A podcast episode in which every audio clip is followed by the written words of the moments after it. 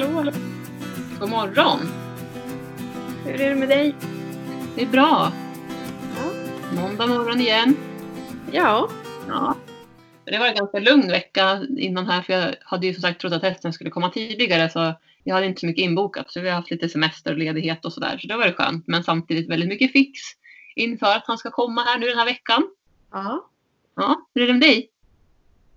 Ja, men eh, det är precis som vanligt schema. Det är, liksom- jag har ingen semester ännu. Nej. Eh, Om eh, två veckor idag då, vecka 33. Så jag, jag längtar jättemycket. Ja, jag förstår det. Ja. Men ja, jag hade tänkt att jag skulle ta det lite lugnt nu veckan som har varit men eh, det sket ju sig. Ja, gud. Blev det massa lektioner och sånt eller vad har du Ja, först så hade jag inte mycket inbokat alls men eh, sen till slut här så det blev fyra stycken olika barn som eh, kom vid olika tillfällen och hade lektioner. Mm. Så jag tror totalt blev det sju stycken barnlektioner. Mm. Och sen har jag även haft eh, bokad uteritt. Eh, med eh, två stycken som eh, aldrig hade ridit förut. Jag kan berätta lite mer om den sen. Det var lite Ja, roligt. det göra. Ja, det var det kul att höra. Ja. Mm.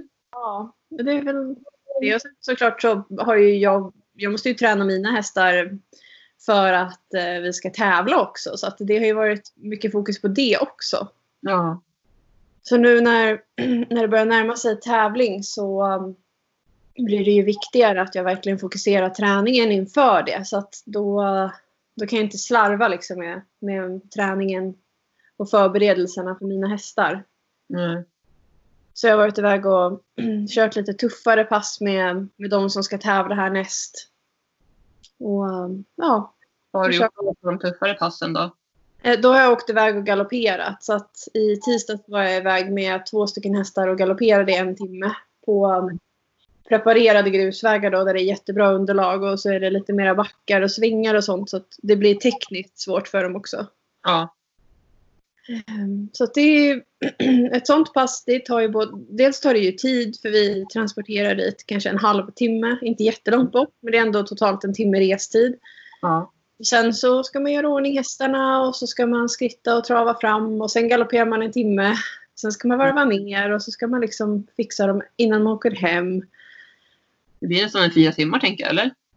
Ja, alltså det tar... eh, Jag tror jag hade lagt in från, från typ klockan kvart i ett till klockan fyra kanske i kalendern.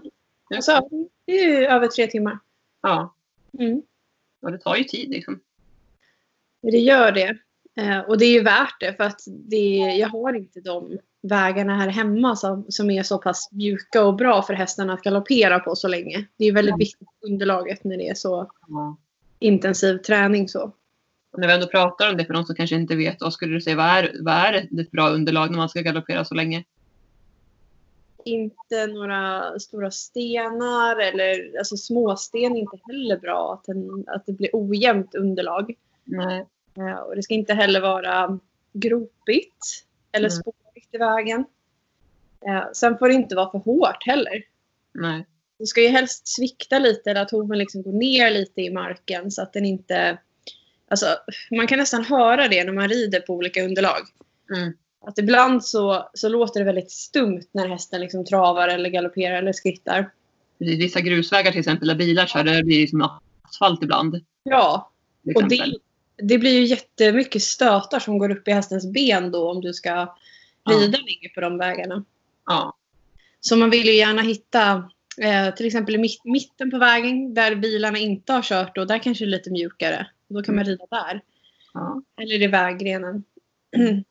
Men det är väldigt viktigt när man gör sådana högintensiva pass eller vad man ska kalla det för. Det är inte, alltså hästen ska inte ligga på jättehög puls när jag gör de här passen men det blir ändå en väldigt tuff träning. Vi galopperar så länge.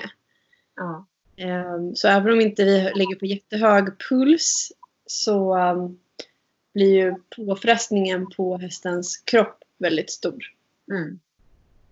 Och det är viktigt att man, eh, jag pulsar ju alltid hästarna efteråt och jag kände den här gången att de skulle vara lite tröttare än vanligt för att vi har inte, vi har inte kört så mycket galopp nu. I och med corona så har ju liksom allt varit på paus. Ja. Så ja, då kände jag men de är lite tröttare än vanligt. De kommer säkert ligga lite högre i puls än vad de brukar göra. Och det gjorde de. Men sen gick de ner i puls jättesnabbt. Vilket tyder på att de ändå inte var så alltså, utmattade. Nej, precis. Ja. Ja. De, De har bibehållit sin kondition sedan tidigare. Liksom så, stort Ja. sett. Ja. Grundkonditionen. Ja, men det som man lätt kan eh, alltså, förivra sig på det är ju kanske att man rider för länge. Ja, det jag skulle säga. Att jag tänker att det är bra. Ja, men säga om man inte har galopptränat någonsin. Då måste man ju börja väldigt korta, liksom kort tid.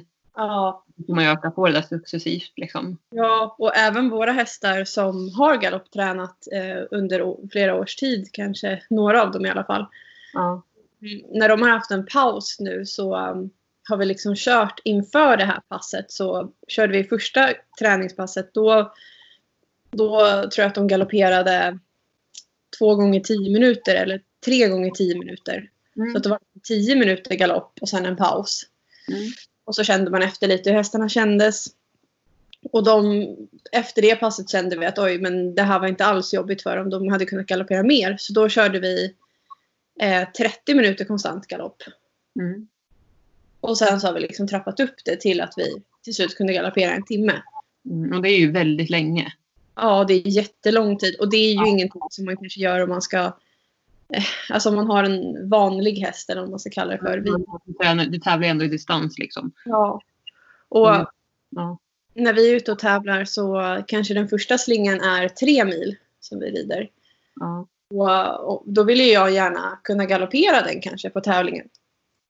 Det är det bra om jag har tränat, i, eh, tränat för det hemma. Mm. Men sagt, det, det är ju när man också ligger på lite högre nivå. Det är ju ingenting jag gör med en ung häst eller en häst som jag håller på att kvala upp i klasserna. Det är om jag ska rida snabbt när jag ska tävla.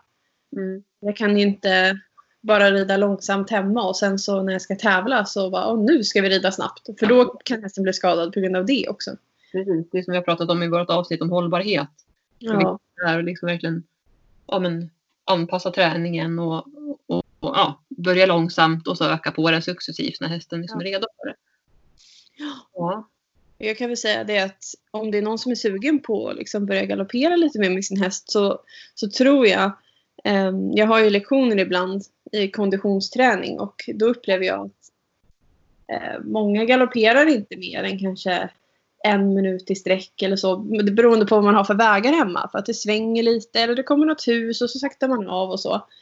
Mm. Så att man kanske kan börja med att bara galoppera två eller tre minuter i sträck. Mm.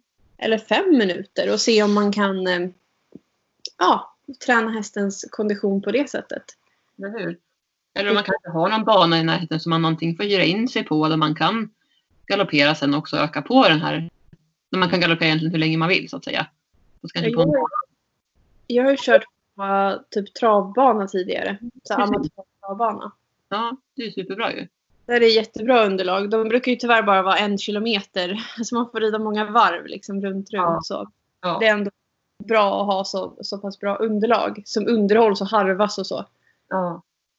Eh, Ja, så det, är- det är en kul typ av träning. Men som sagt, det är liksom påfrestande för hästarna. Och jag kände att min ena häst, han, eh, han tyckte att det var ganska... Alltså han, blev lite, han fick lite träningsverk.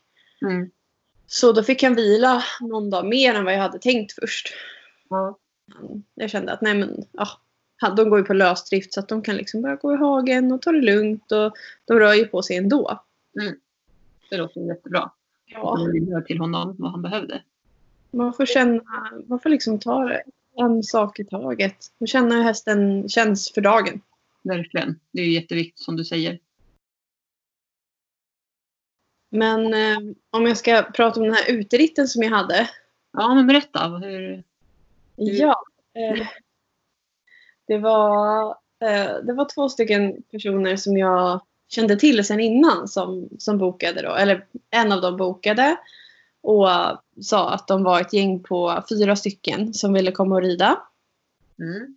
Och den ena personen skulle få det i överraskningspresent. Mhm. Så att han visste liksom att de skulle rida. Ehm, och, ja, och sen var det hans eh, fru som var med också då, och hon hade ridit tidigare. Mm. Och, de jag kände, de är duktiga ryttare. Liksom. De, de tävlar också i distansritt och så. Mm. Så de kom hem till mig. Och då så började det liksom med att eh, han som fick det i överraskningspresent bara ja, ja, jag blev inte jätteglad när jag fick reda på att jag skulle göra det här och jag tycker inte ens om hästar och så här, jag bara okej. Ja, Välkommen. Ja. här är hästarna. Jag sa det bara, du kan ju åtminstone gå och klappa här på bullen då som man skulle rida på. ja. Eh, och så frågade jag, men vad är det du inte gillar liksom? Nej, men alltså jag har aldrig, jag har aldrig liksom fått något band till någon häst eller så. Jag tyckte att de luktar illa och så. För att han hade minnen från när hans syster var liten och red. Ja. Och kom hem med ridkläder och sånt där liksom. Ja. Och sen hans fru då. Hon stod i dörröppningen och bara. Åh, jag känner jag är jättenervös och jag är ju jätterädd. Bara, ja, okej. Eh, kändes inte som att de var så jättesugna på att rida. Men Nej. jag tänkte, ja. Eh, vi skulle rida ut. Så eh, vi fixade ordning hästarna. Och jag märkte liksom att eh, frun där var väldigt här, nervös. Och då sa jag det, ja men euforien som du ska rida på, han hade en ridlektion med en treåring här häromdagen. Mm. Så att han är väldigt snäll. Mm. Oj, jag vet inte om jag ska få prestationsångest eller om jag ska bli lugnare. Ja, du kan väl bli lugnare kanske. Ja. Ja, och sen så satte vi upp rundkorallen. Jag hjälpte dem att fixa stiglädren och sådär. Och sen så fick de prova att skritta lite framåt och göra halter och styra lite innan vi red ut. Ja. Alltså dels så är det svårare att undervisa när man är ute för att vi var ju flera fem hästar liksom och så jag ligger ju i täten och leder gruppen och då kan det vara svårt för de andra att höra vad jag säger och så. Ja. Ehm, så att det är alltid skönt att liksom få, få koll på start och stopp och styra innan man rider iväg. Även om det är snälla hästar. Och känna in hästen lite också. Ja. Vi red ut och eh, ja, efter kanske bara tio minuter så sa båda de bara, ja men det här är ganska härligt och det här går ju jättebra. Och så, jag visste inte, jag trodde ju den här eh, frun då hade ridit sedan tidigare. Men det visade sig att hon hade ridit en gång för 15 år sedan. Så Jaha, hon var ju också helt grön liksom. Ja, okej. Ja, men eh, ja, vi var ute i typ en timme och 20 minuter tror jag. Så det lite Mm. i skogen och vi red över en åker bort och sådär. Sen Ja. så kom vi tillbaka och alla var väldigt glada och nöjda och då fick de eh, nybörjarna fick trava in i korallen mot varv. Jag sprang Mm. bredvid. De travade. Ja. Provade i alla fall. Vad tyckte man om det då? Nej, de tyckte det var kul. Ja. Men, eh, det var ju lite trött, de var lite trötta efter att vi hade ridit i en timme och 20 minuter. För det är ändå, även om man bara skrittar så, så är det ju jobbigt för framförallt insida lår när man inte är Ja. van vid Det blir ju träningsvärk liksom. Ja. Men, ehm, Och det mentala tänker jag också sådär om man är lite nervös och spänd och så. Så ja. blir det också jobbigt. Utmattande. Mm. Ja, sen kom vi tillbaka till stallet och alltså, då var det en helt annan stämning. Alla var väldigt glada och nöjda och tyckte att hästarna var jättefina och att det hade varit väldigt roligt. Mm. Att, eh, jag kände att det var extra kul att jag hade kanske ändrat någons åsikt så. Mm. Att det inte var som de hade föreställt sig först.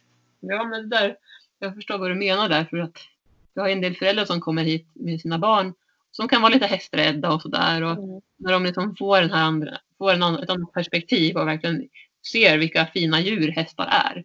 Och att Ja. de inte alls är farliga om man bara bemöter dem och hanterar dem på rätt sätt och förstår deras kroppsspråk. Och, Ja, ja. Det är, det är en häftig känsla. ja, det är det. Uppfattning. Man får ju lite extra boost av det så själv. Eller hur? Sen var det en annan eh, lektion jag hade med, det har kommit några nya barn hit. Eh, det, är här, det, kan vara, ibland är det att de har blivit tipsade av någon annan som rider här och ibland är det att det är någon bekant till mig som hör av sig och frågar om jag vet någonstans där man kan rida. Den här flickan då, var jätteduktig. Hon hade ridit en del förut. Mm. Eh, men eh, den bekanta till mig som, eh, som frågade efter någonstans som den här tjejen kunde rida på. Han blev själv väldigt sugen på att rida så att nu ska han börja ta lite lektioner som mm. nybörjare. Vad kul! Ja, jätteroligt. Ja. Um, ja, och sen kanske jag ska säga att jag hade, hade besök av uh, ett gäng uh, ungdomar från mitt jobb också i lördagskväll. Mm. Och det var jätteroligt. Det var väl åtta stycken som kom. Och uh, sex av dem red. Vad kul! Var det, ja. eller var det första gången? Eller? Eh, flera av dem hade aldrig ridit förut eller kanske suttit på en häst när de var barn. Liksom. De är ja, de är allihopa är runt 20 år nu. Mm. Så de är unga vuxna liksom. Eh, och det var, var väl två tjejer som red och resten var killar. Mm. Var och där tror jag också att det var någon av dem som kände att oj, men det här kanske jag vill fortsätta med. Det var ju jätte... ja, men det är ju så. Ja det är så lyssnar som kanske inte liksom, har ridit så mycket eller så. Så det är verkligen kul. Börja! och då, alltså, ja. En av dem som tyckte att det var roligast, eh, han hade kanske inte varit så taggad först på att de skulle prova att rida. Men sen var det så här, ja men kompisarna provade och så bara, ja men ja, jag provar också. Ja, vilken tur. Ja. Vi hade tre stycken hästar eh, inne i korallen samtidigt. Så det var tre ryttare som red åt gången då. Okay. Ja. Och de, jag, jag hade inte grimskaft till någon av hästarna utan de fick rida själva. Mm. Och red runt där liksom och skrittade och de här som tyckte att det var roligast de, de travade ju typ jättemycket. Mm. Nybörjarna kan ju inte rida lätt men eh, de var jätteduktiga på att liksom hitta, hitta takten och sitta ner i traven ändå. Mm. Ja. Det var, det var roligt. Det var, vi var där i typ en och en halv timme liksom. Och vi fick köra två olika grupper och sen var det en från första gruppen som bara, kan jag få rida lite till innan vi avslutar? Ja, mm. rid några varv till då. Mm. Ja. Vad roligt. Ja, det var jättekul. Lycka. Ja, verkligen. Eh, och det är sånt där som ger lite extra energi tycker jag. Ja. Det är ju faktiskt, alltså på, på ett sätt så är det väldigt lätt att jobba med nybörjare. Beroende på vad de har för inställning då. Men sen å andra sidan så när man alltså det är mycket man ska lära sig också. Det är ju det. Så det är... Säkerheten till liksom själva ridningen i sig. Ja. Och man får, måste ju bryta ner det så att det inte blir för mycket på en gång. Två av hästarna som var med, de... Min rundkorall är ju, det är ju som att rida på volt. Och det kan vara lite svårare för hästar, eller det är ju jobbigare än att gå på ett fyrkantsspår. Ja. Så då kan de eh, bli lite lata hästarna och så gina dem. Så att de mm. går lite på spår hela tiden. Ja. Eh, och då kan man ju behöva använda skänklarna lite grann för att trycka ut dem på spåret. Men det är ju för svårt när man inte har ridit tidigare. Precis så. Ja, men det är samma här. och Det gör även dina hästar också. Ja. Spåret, liksom, att de tar gärna, gina gärna över. Och det är ju som du säger, det är svårt när man är nybörjare att liksom få till det där. Ja. ja. man vill inte att det ska bli för svårt heller och, och alltså mm. att det ska bli för mycket olika instruktioner och sånt utan man får ju bryta ner det till att ja, men nu ska de lära sig att styra eh, och hålla händerna rätt och inte liksom ha för långa tyglar eller ta upp händerna för högt och så. Mm, sitta med händerna jäms med varann och inte liksom sitta ojämnt eller ja en bra grej som jag, när jag har nybörjare, då brukar jag, alltså vi börjar i stallet med att de får hålla ena handen på huvudlaget och andra handen på bettet. Mm. Och sen så håller jag i tyglarna och sen så visar jag hur pass känslig hästen är i munnen när jag tar i tyglarna. Vad som händer om man till exempel skulle dra i tyglarna bokstavligt talat eller vad som händer om man då bara, som man, som man ska rida försiktigt med mjuka händer. Ja då blir de så här, jaha, gud, är det så här de känner? Och då blir det en bra liksom, grund att stå på sen när de ska sitta upp. det, var väldigt, det är väldigt pedagogiskt. Ja. Eh, ja, jag tycker den är, är väldigt bra för just nybörjare. Och det kan även vara bra för de som har ridit ett tag och om man känner att man kanske har lite hårdare händer. Liksom. Så kan det vara bra att få den tankeställaren. Liksom, att men så här faktiskt känsligt är det faktiskt. Jag har ehm, eh, upplever att nu när jag har haft lite mera här, ridlä eh, ridläger och sånt också med många olika personer. Så många, ehm, alltså det är sånt fokus på att hästen ska gå i form hela tiden. Mm. Upplever jag. Ja. Framförallt hos vuxna, inte så mycket hos barn. Så de har inte kommit dit. Men eh, vuxna vill gärna att den ska gå på tygen och så. Eh, Mm. och då blir det det viktigaste om man struntar lite i takten och allt annat som är jätteviktigt. Mm. Och då blir det, från vad jag upplever, ganska lätt så att ehm, de vuxna blir väldigt, alltså man blir stum i handen.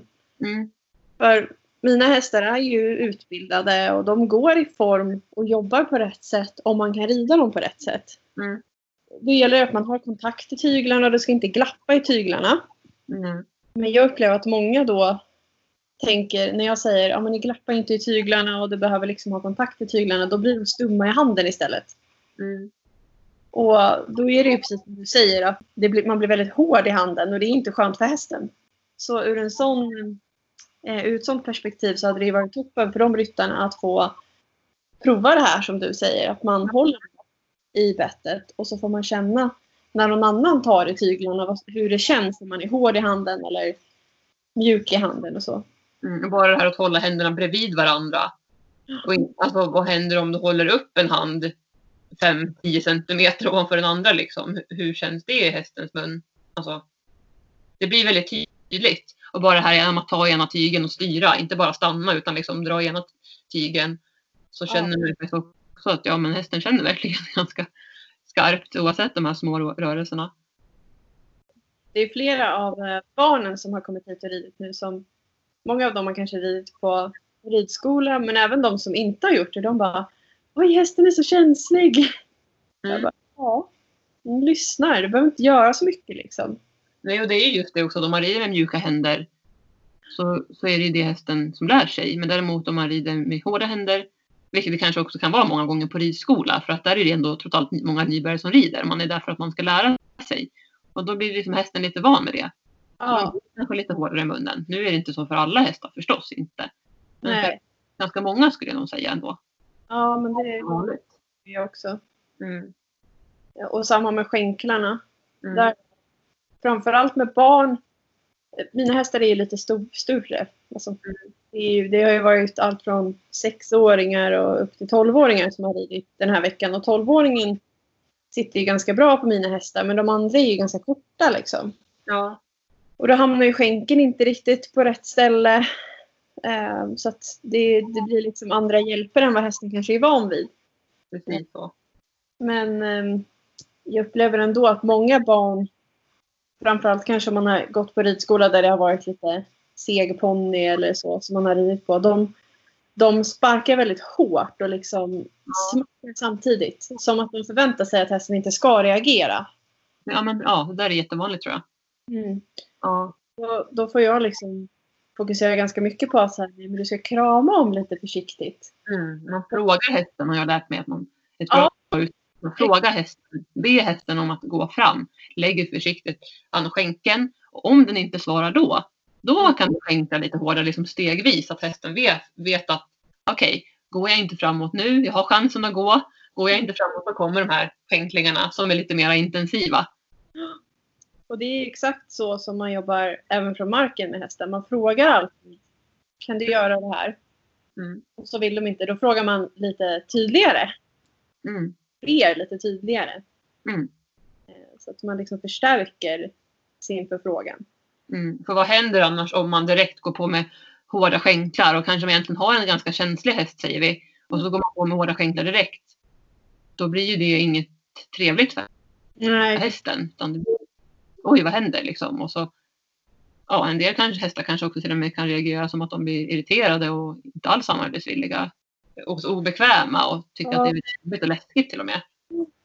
Jag har verkligen lärt mig mycket av att ha ridläger och så. För att just med mina egna hästar som jag vet, jag vet vad de kan. Jag Mm. vet alltså hur jag brukar rida dem. Eh, Och sen står man vid sidan av och så ibland så funkar det inte alls till exempel för en person att fatta höger galopp på den ena hästen. Nej. Jag vet att det är inga problem att fatta höger galopp och så får man liksom så gå in i sig själv. Men vad är det, vad är det som den här personen gör? Vad kan det vara liksom? Mm. Vad är nyckeln? Eh, och så kan det vara att hästen då när de ska göra den här galoppfattningen åt höger så kanske den till och med blir arg och liksom piskar med svansen eller så här eh, bockar lite och så. Jag bara, det här är inte ett vanligt beteende. Och då kommer vi på, nej men just det. Den här personen kniper åt jättemycket med vaderna runt om hästen Mm. när den försöker fatta galopp. Just. Och då säger min häst, mm, det här tycker jag inte var skönt. Nej. Och så kommer en bock eller ja, liksom studsar lite upp så här med ryggen. Mm. Och jag bara, ah, okej, det är det. Så jag har lärt mig väldigt mycket själv Mm. av att kolla på hur andra rider. Eh, och jag har lärt mig hur jag kan instruera då. Till exempel kom eh, Emma med ett jättebra knep. Om man nu har en tendens att knipa åt lite med vaderna, då kan man stå i lätt sits när man fattar galopp. För då är det svårare att göra det.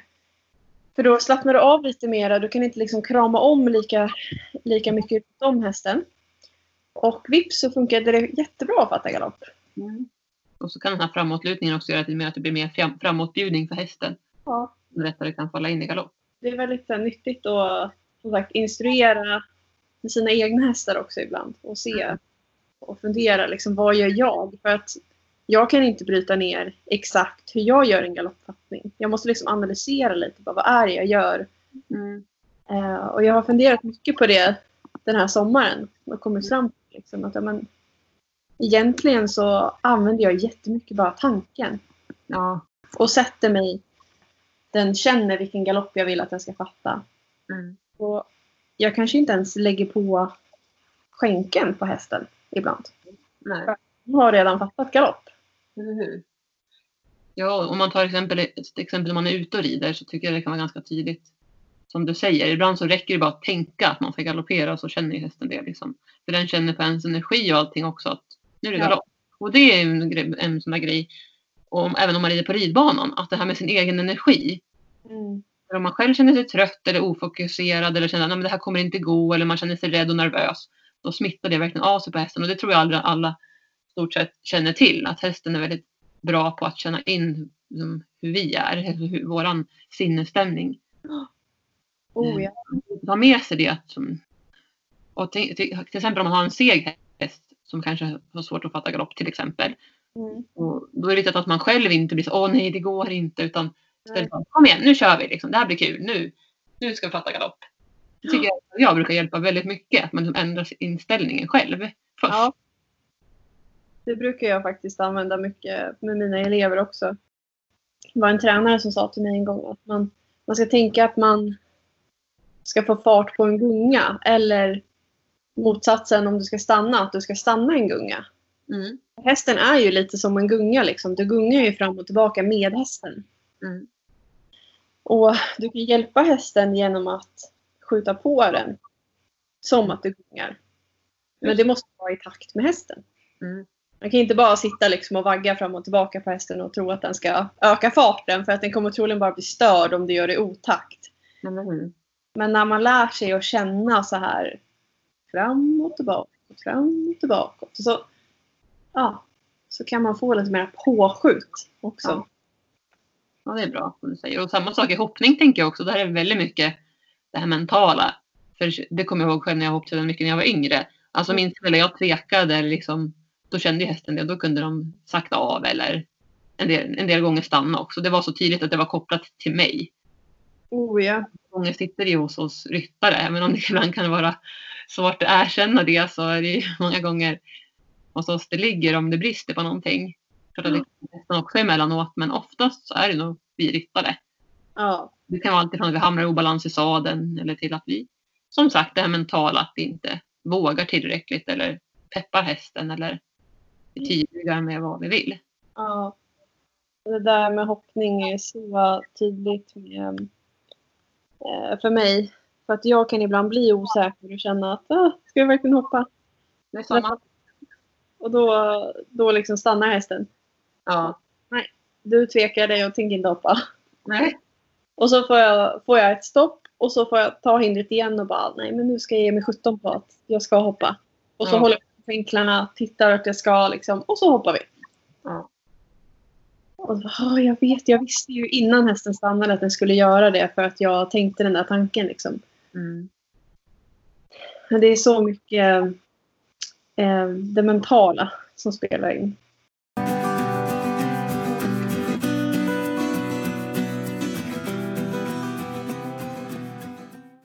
Vad är det annars som händer då för dig? Ja, idag, det ska vara lite dressyrlektioner här i veckan. Eh, jag, vi ska rida lektioner med mina hästar. Jag ska inte hålla några dressyrlektioner.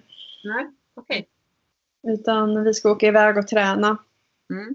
Eh, Emma ska åka iväg och träna idag. Och jag och Matilda, en tjej som rider här, vi åker imorgon med två hästar. Mhm.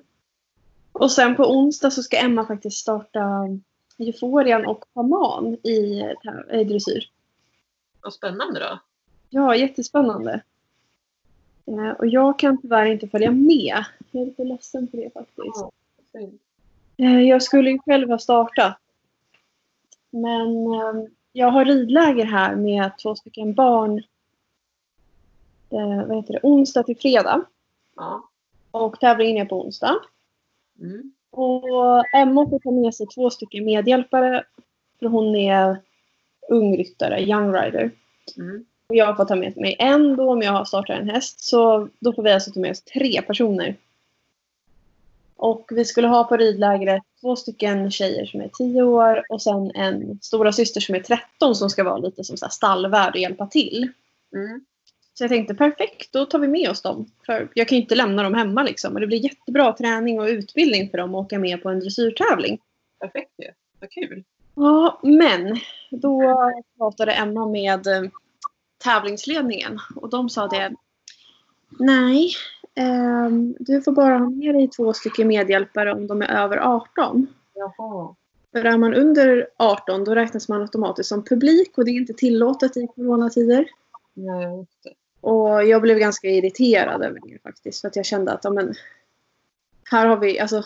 Det finns, dels har inte alla kanske möjlighet att ha med sig någon vuxen. För att man kanske inte har någon förälder som är intresserad av att åka på tävling. Nej. Det finns det ju jättemånga tonåringar eller barn som vill lära sig mer. Ja. Och de kan ju också hjälpa till. De kan hålla en häst och de kan liksom hämta utrustning och allting. Mm. Men det, vi fick ge med oss att jag fick stryka mig eh, och fokusera på att vara hemma med ridläger-tjejerna då. Så får Mm. Emma iväg och tävla. Ja.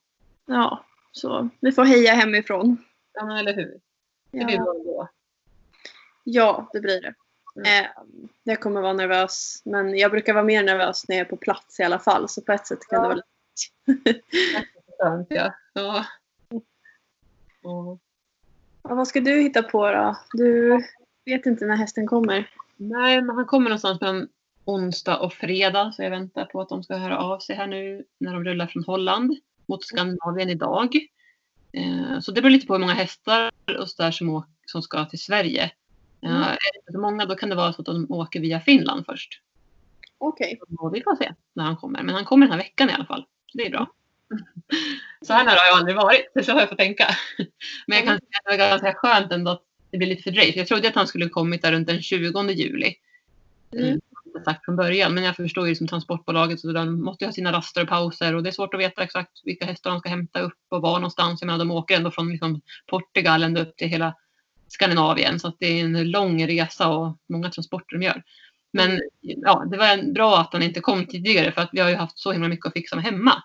Ja. Det är så lätt att tro att men, jag ska bara måka hagen, vi ska bara bygga ut sadelkammaren, jag ska bara putsa, eh, tvätta väggarna i, i stallet och så vidare. Liksom att, men det går fort. Men sen är det ju så att man har ändå tre små barn och Mm. men det är ändå sommar och semester, man vill hinna vara lite ledig, hinna träffa kompisar och lite sånt och åka till stugan. Så att jag menar, det var tur kan jag säga. Nu har jag ändå fått lite mer tid att fixa med de här sakerna. Eh, Så att det är i stort sett klart nu till han kommer. Så det blir nog väldigt bra timing. Ja, vad härligt. Det var Ja. ja, det var tur på, på det sättet. Och så när jag haft nu innan här har jag haft några lektioner eh, och så något dagläger har jag också. Senast var i fredags hade jag dagläger. Mm. Och sen så har jag dagläger inplanerat redan i nästa vecka. Och det hade jag ju lagt då för att jag var lite inställd på att han skulle komma som sagt tidigare. Men vi får ju se lite grann. Säkerheten går ju först förstås. Ja. Så vi får ju se hur Herman och Gingis och hur allting går som jag sagt tidigare avsnitt också. Så får vi ju se. Jag hoppas att jag ska kunna ha dagläger men i värsta fall får vi skjuta på det om det skulle vara så att det inte funkar liksom säkerhetsmässigt. För då hade du tänkt att eh, den nya hästen ska gå på Alboroto, eller vad heter han? Alboroto, precis. Alboroto, ja. Abbe som, som du kallar din häst. Ja, Det är faktiskt ett bra smeknamn då, Alboroto. det är Ja. Ja, men då tänkte du att han skulle gå i hagen då och så har du de andra två på lägret. Precis. Antingen får han gå i hage eller så får han stå i boxen liksom. Och så får, får ju Her- Herman och Gingis var ju liksom, som du säger i daglägret. Rida där. Så det beror ju liksom lite på. Det kan ju vara att de blir Säg att det går säkert jättebra att stå i stallet och pyssla och sådär men sen när man ska ut så kanske de börjar gnägga och det Ja. blir oroligt och då vill jag ju inte riskera någonting. Liksom att någon åker av eller vad som helst. Det får ju inte hända. Liksom att någon häst sliter sig. Så, sådana saker. Så, så det, det är det jag ska känna av det, hur det går. Och det kommer jag märka här nu när han kommer den här veckan. Hur det funkar. Ja. Mm.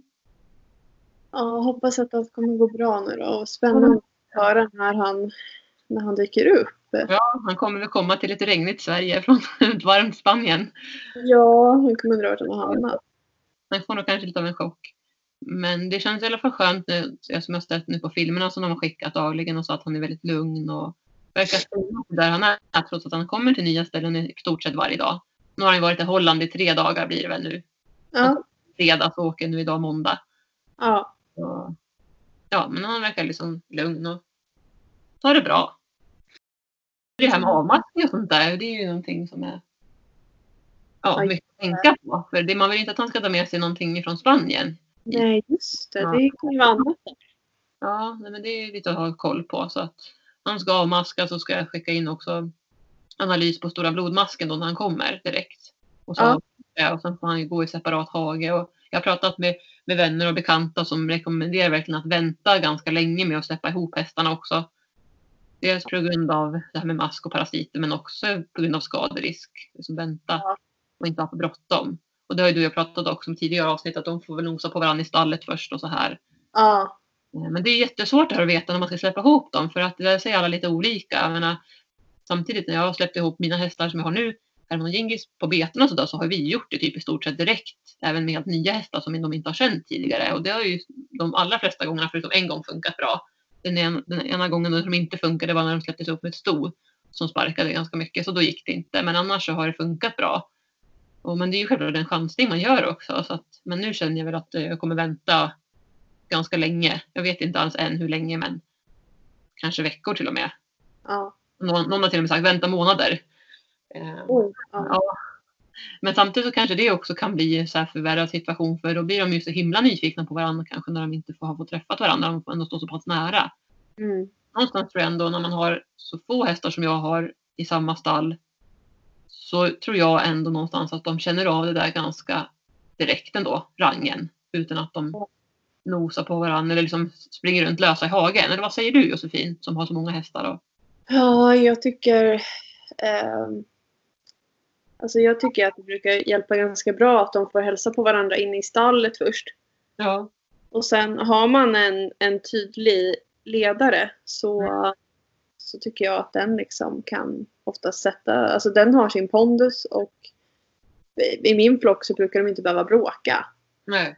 Det är ju de som är...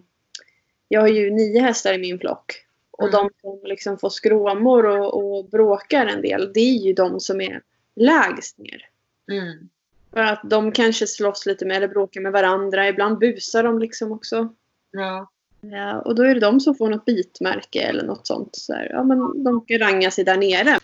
Min ledarhäst han behöver ju typ aldrig göra någonting. För att han har sån utstrålning. Hur? Och du har ju en liten flock. Och Herman han är, han är ju ranghög. Ja. Då, med det här stoet så blev han ju totalt utmobbad av stoet och Gingis. Ja. Gingis Bettis. Men han kan ju också ha lite pondus men, eh, men Jag har inte sett honom ihop med så himla många andra hästar egentligen. Så jag vet inte vad han är. Men han är ju väldigt kaxig för att vara liten om man säger så. Det brukar kunna vara så. Ja, jo. Eller på bakbenen och nafsas och håller på. Men nej, och sen så vet jag inte riktigt hur Alboroto kommer vara när han kommer hit. Och, och det är så också i Spanien att där får de ju inte gå på direkt hagar utan de står ju väldigt mycket på box. Och det blir ju någonting nytt bara det här att komma ut i hage för honom. Ja. Gjort det upp till han var tre och ett halvt där han började ridas in har han ju gått i stor flock och, så, och sådär. Men det är ju ett tag sedan nu. Han är ju fem nu så det är ändå ett och ett halvt år som han har stått väldigt mycket på box och ridits enbart. Så att ja. jag vet inte hur han kommer ta det. Nej, det kanske är bra för honom att landa lite med att vara utehu- utomhus innan man släpper ihop dem. Då. Ja, och som jag också fått rådet och som jag har tänkt själv med det är att, det här att, han ska, att han ska röra på sig så att han inte står stilla för mycket och bli, samlar på massa energi och sådär. Så att han exploderar och, blir väldigt, och hittar på massa tokigheter. För då kan det bli väldigt svårt sen om man hamnar i en sån situation. Gör någonting dumt liksom. Ja. tänker jag också i träningen och sådär. Så jag kommer ha honom mycket på ridbanan. Både försöka ha honom lös men även på lina först och främst. Så jag ser hur den är på lina och sådär. Så, och sådär, så att han får röra på sig. Och, och det är samma sak där apropå det här med hållbarhet. Att man inte går på för hårt nu. För han, man får ändå utgå från att han har stått mycket inne och så här och ridit ungefär fyra, fyra gånger i veckan. Ja. Så jag menar, det är ändå ganska mycket, stor del som han har stått inne. Så jag måste trappa på det här, liksom, öka på det här successivt. Den här träningen. Jo. Det är nog klokt. Ja, Jag tror att det är bra att röra på sig en del. ja eller hur. Men det kommer nog att gå jättebra. Det är bara att se. Du får läsa av när han har landat lite, tänker jag. Eller hur? Men ska vi säga så då för den här veckan? Ja, det kan vi göra. Så får vi hålla tummarna för att eh, det blir toppen när eh, Alboroto kommer hem då. Jag hoppas verkligen det. Ja. Spännande. Ja, så, får, så, får ni höra lite uppdatering här förhoppningsvis i nästa avsnitt. Ja. Mm. Ha det så bra. Detsamma. Ha det så bra. En fin helg när det här avsnittet släpps. Ja. Hej då!